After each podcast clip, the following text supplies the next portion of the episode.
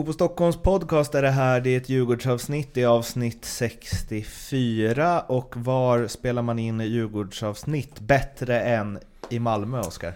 Ja, vi är i Malmö mm. och... Det är där vi är när vi ska spela in podd på plats tillsammans.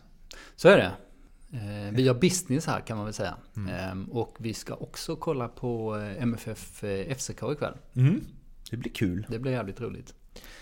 Men... Det kanske är att skåda in i Djurgårdsframtiden. Mm. Europaplats kommer det bli. Och eh, då har man ju möjlighet att balla mot den här typen av spännande motstånd också.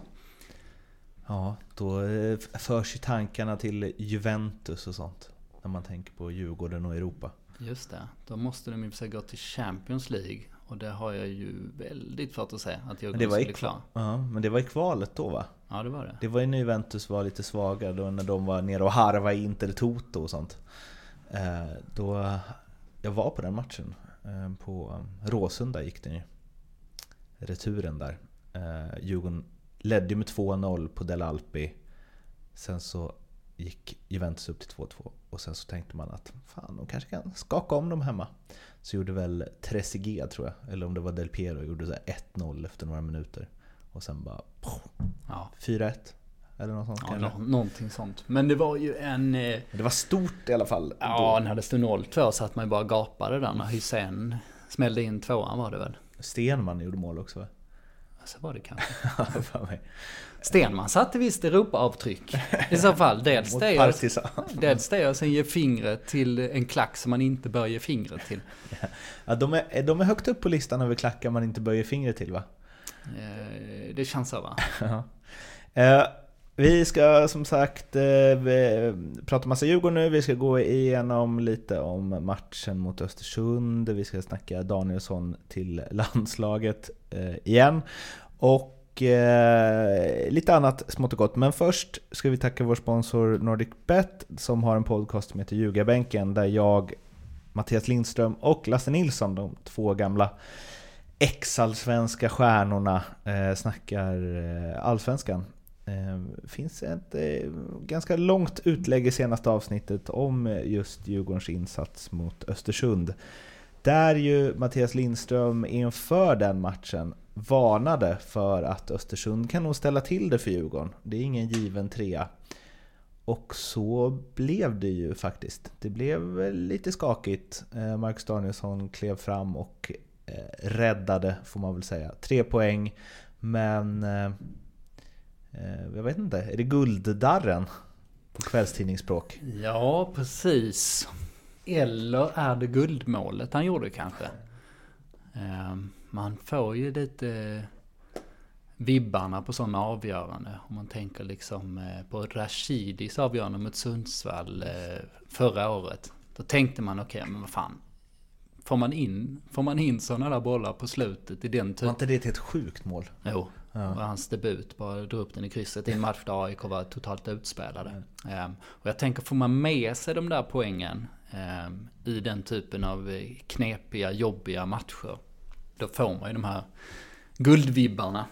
Men så, eh, det skulle ju absolut kunna vara. Eh, Djurgården är ju fortsatt favoriter, har ju ett eh, jätteläge och vi pratade ju i förra podden om att 3-1-1 förmodligen kommer räcka. Och nu är det ju alltså 2-1-1 som kommer, förmodligen kommer räcka och det är det här krysset man behöver i, i derbyt framförallt som jag, som jag ser det.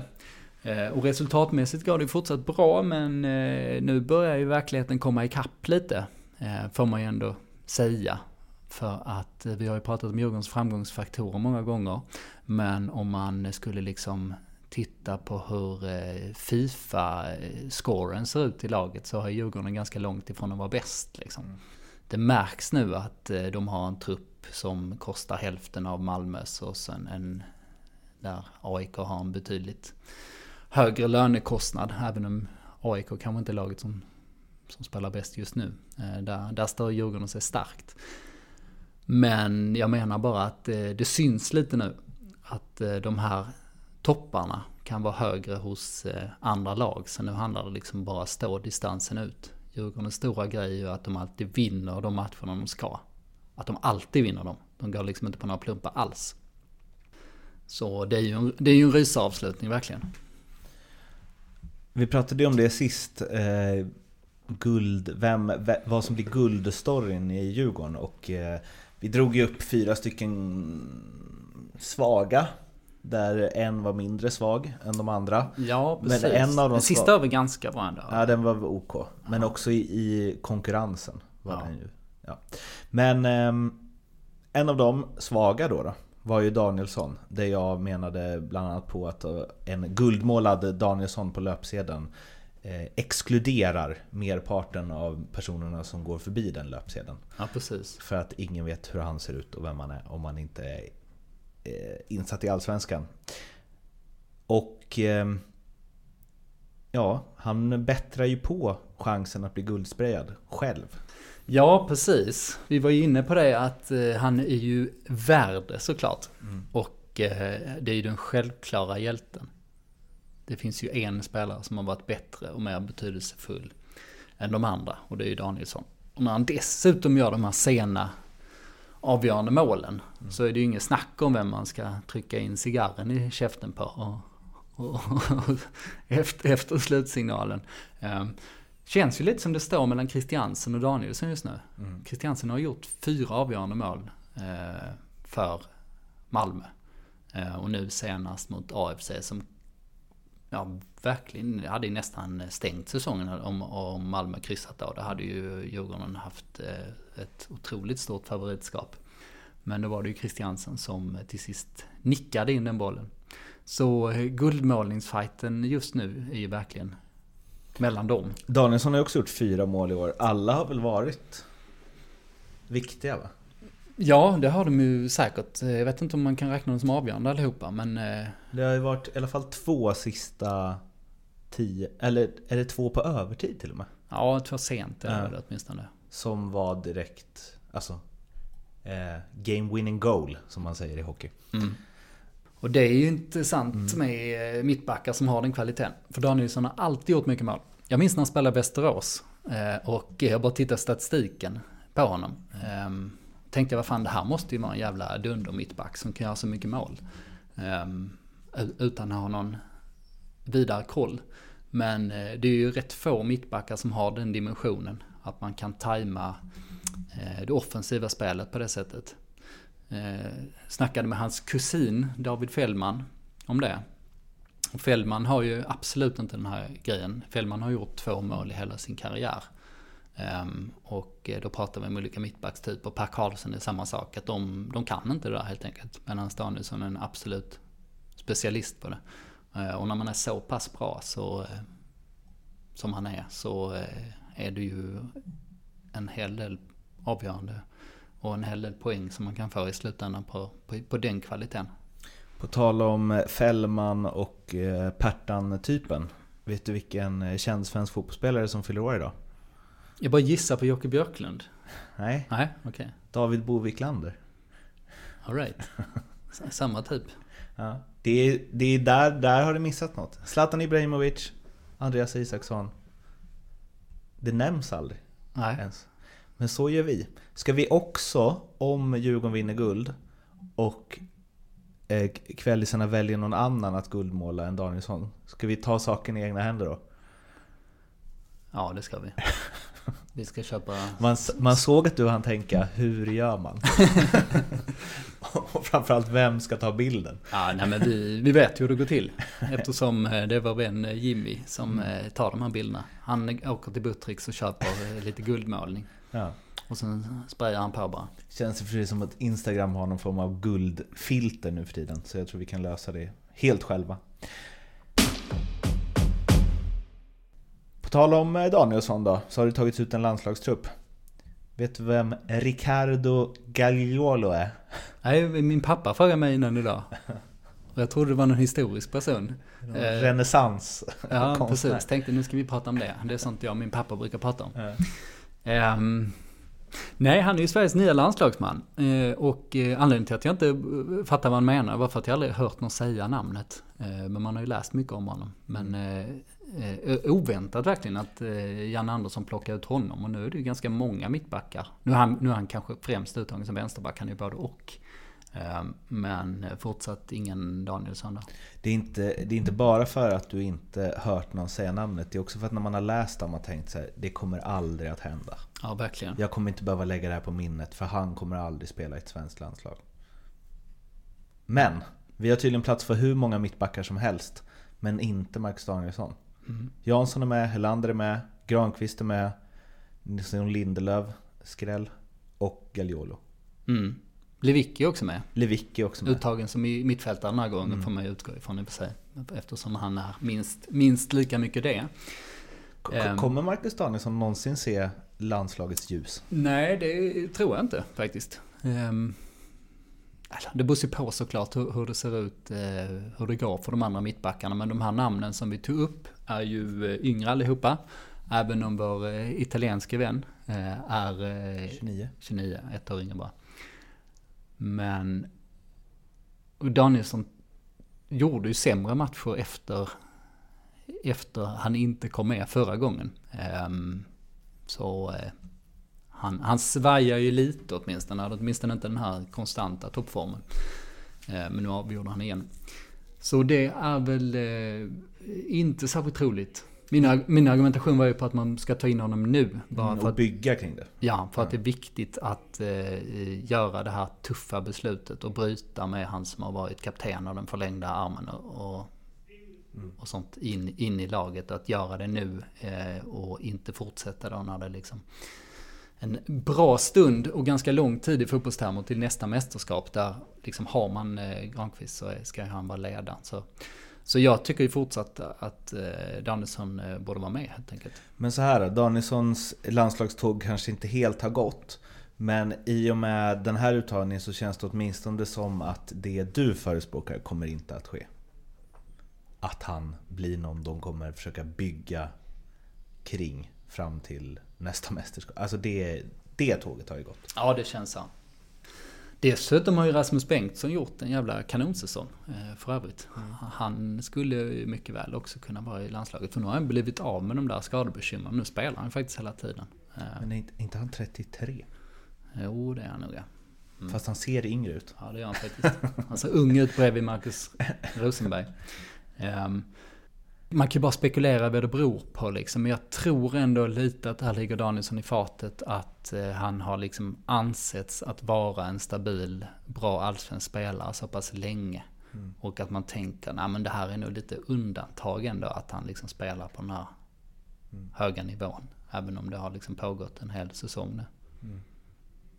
Sen kan det ju vara lite väl att man ska bygga kring honom inför någon framtida mästerskap. Men det hade, det hade varit kul att se honom ju med eh, Lindelöf också. De är ju gamla, det är ett gammalt mittbackspar. Ja, från mm. Västeråstiden. Ja, precis. Som någon lyfte fram som en stor fördel, att de kände varandra. Jag tänkte, ja, spelmässigt tror jag inte man kan eh, dra så mycket nytta av det. Men jag tror de klickade för sig ganska bra personlighetsmässigt då. Och dessutom där bygga kring Danielsson, det var väl mer så att jag tänkte att man kan testa honom mm. nu och se om det är han vi ska eh, ha bredvid Lindelöf där. För att det är liksom så öppet mellan Pontus Jansson och mm. Filip Helander som är i landslagssammanhang liksom inga, inga starka kort. De är, de är okej, okay, men, men man kan testa vilken kandidat som funkar bäst och sen bestämmer man sig för det och sen så mm. kör man det mot det här mästerskapet och kanske också nästa. Då. Om jag får sväva iväg lite här kring eh, Lindelöf Danielsson. Då Alltså det finns ju någonting med att han skulle få chansen där bredvid Lindelöf. Och jag kommer ihåg hur det pratades om Granqvist till United. För att han funkade med Lindelöf. Sen köpte de Harry Maguire för en miljard.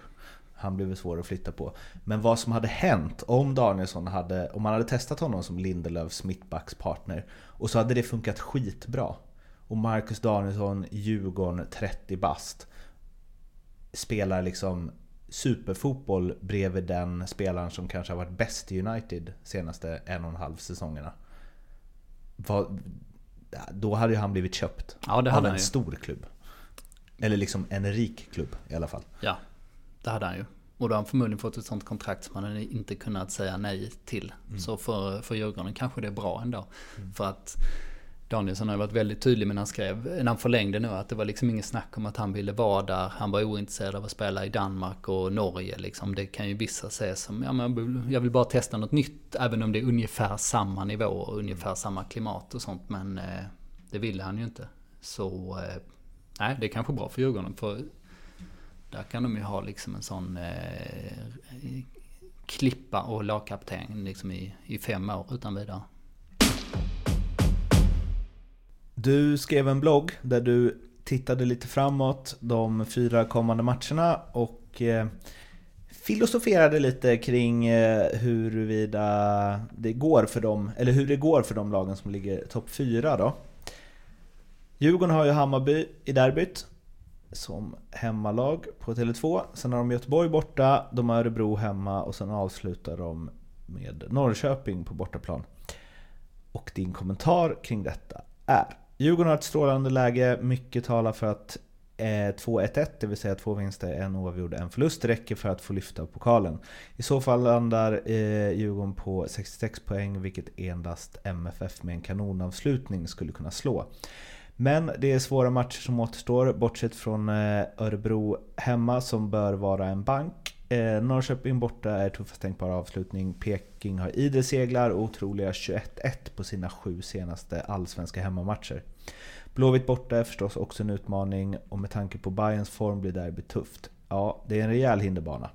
Det som talar för Djurgården är att de kan snubbla en gång eller kanske två och ändå komma först i mål. Den lyxen har ingen annan. Alltså, det här snubblandet. Man blir lite svettig bara när man läser. Alltså, är... Jag tänker att det är långt ifrån... Alltså, det är till och med möjligt att det blir en 1-1-2. Torsk Bayern, torsk Norrköping, oavgjort borta mot Göteborg. Alltså oavgjort borta mot Göteborg är ju inget... Det är ju egentligen inte ens något, ett dåligt resultat. Nej. Nej, absolut. Ehm, det finns eh, vägar att ta i samtliga matcher. Mm. Och eh, som sagt, Norrköping borta, jag eh, ser ju den som minst lika svår som Hammarby borta eller Malmö borta för mm. vem som helst. Norrköping är, spelar otroligt bra just nu. Visste faktiskt inte det att de har 21-1. Nej, det är bara utklassning hela tiden. Mm. Det är liksom inget snack överhuvudtaget. Haksabanovic i jätteform till exempel nu. Som man har, som man har väntat på.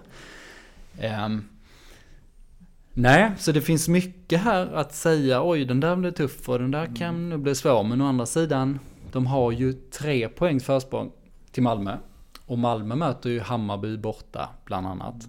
Eh, så där finns ju snubbel potential också. Och, då, och de som är kvar i racet i AIK Hammarby. I min blogg som jag skrev så räknar jag ut AIK. För jag kan inte se liksom hur det ska gå till att de ska vinna. Även om de tar fyra raka så tror jag någon minst ett annat lag kommer på eh, minst 65 poäng.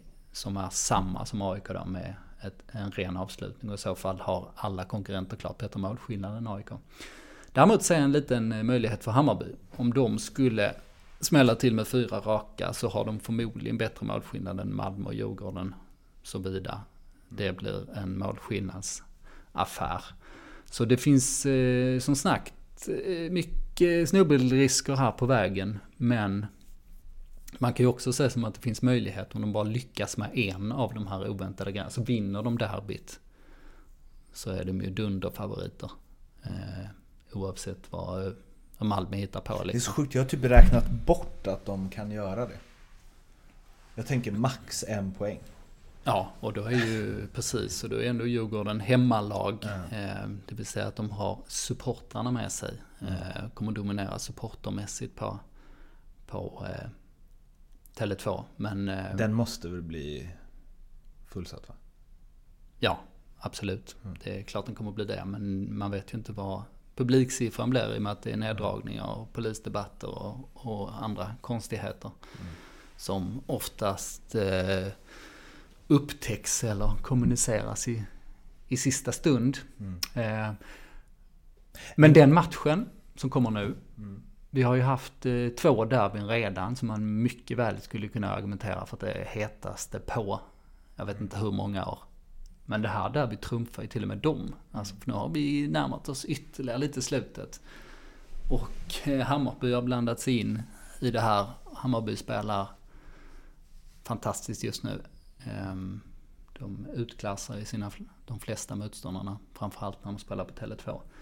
Och Djurgården har ju, om vi då satt eh, lite frågetecken för trenden, så är ju liksom formtrenden fortfarande helt fantastiskt. Poäng, poängen trillar in hela tiden. Och 59 poäng på 26 eh, omgångar är ju ett eh, brutalt facit. Verkligen. Örebro har ett roligt schema. På slutet. Ja, de kommer blanda sig in här i... De liksom möter tre av de här lagen och mötte ju nyss Bayern. Precis. Örebro kan stöka till det. De har AIK på bortaplan, de har Malmö på hemmaplan i sista omgången. Och de har alltså Djurgården näst sista på, på bortaplan. Ja. Så, och, och de, i min bloggpost här så räknar jag med att de här lagen är så pass tunga och bra. Att det ju, har ju varit sån stor skillnad mellan toppen och botten. Nu är vi så Örebro ett av två mittenlag. Det finns ju bara två mittenlag i Allsvenskan nu för tiden. Örebro och Elfsborg. Men eh, visst, de kan ju stöka till det på lite alla möjliga håll. Vilken, så här, deras säsong är helt död och har varit så ett tag. Det finns liksom, det, de har inget att spela för. Då måste det bli svinroligt att vara så här möta tre av de lagen som är inblandade i guldstrid sista fyra. Ja, man tycker fyra det. sista fem. Man tycker det. Å andra sidan, jag, jag tror ändå att den andra faktorn väger över där. Att, att de ser säsongen lite som död. Mm. De kanske tillåter sig själva att eh, experimentera lite. Eh, mot eh, Hammarby nu senast gick de ner på eh, fembackslinje. Så ut som att spela 5-4-1 i försvar mycket. Eh, vilket höll ett tag och sen rasade ihop totalt i, i andra halvlek. Um, så jag tror nog att det ändå talar för att det är rätt mycket lättare att möta Örebro nu än i, i början eller mitten av säsongen. Vet du vad de också gör? I, i Örebro? Ja. Vad gör de där? De käkar pizza efter matcherna. Det gjorde de efter bayern matchen Ja, det är sant. Ja. Och då ligger man i mitten av tabellen. Om ja. man äter pizza efter en 5-1 förlust. Å andra sidan kom ju Nikola Djurdjic ut med en öl i näven eh, i mixade zonen. Så. det gjorde han i och för sig. Uh, ja. ja, men Erik Hamrén hade inte gillat det. Nej. så fick man säga. Det var det för uh, det här... Uh, ska vi ta quiz? Ja, vi har ju ett quiz mm. också. Som äger rum den 8 oktober, en tisdag, så blir det Fotboll Stockholm Quiz-premiär. Någonstans. Mm. På en krog nära dig om du bor i Stockholm. Mm, vi tror att vi kommer befinna oss någonstans i Djurgårdsland också. Mm. Eh, vi har inte spikat lokalen än. Men eh, ja, det är nu på tisdag. Då blir det lite quiz. Vore det oerhört märkligt förresten att köra i någon annan stad. Ja, faktiskt. Ja. Vi, jag kände att det var dumt av mig att poängtera att det är i Stockholm. Ja, just det. Då hade vi gjort en klen målgruppsanalys tror jag. Ehm, men eh, upplägget är ett eh, fotbollsquiz. Mm. Förmodligen ganska Stockholmsbaserat också. Men jag tror vi, vi får slänga in lite annat också. Mm. Så eh, då får ni gärna komma dit och vara med där. Man kan tävla med sina kompisar eller så kan man gå i lag med vem som helst när man mm. väl är där. Men det tror vi verkar vara ganska stort intresse så det blir nog en trevlig kväll. Vi är verkligen över till dels jag om att det är i Stockholm, dels du om att det är ett fotbollsquiz. Folk satt som på, är det tennisquiz i Malmö som är på gång? Nej det är det inte. Kanske kommer längre fram. Håll utkik på sociala medier, Twitter, Instagram, Facebook så kommer vi meddela när vi vet eh, vilken lokal och vilken starttid för quizet. Så eh, ses vi då eller hörs i podd innan dess. Ha det fint, hejdå! Hej!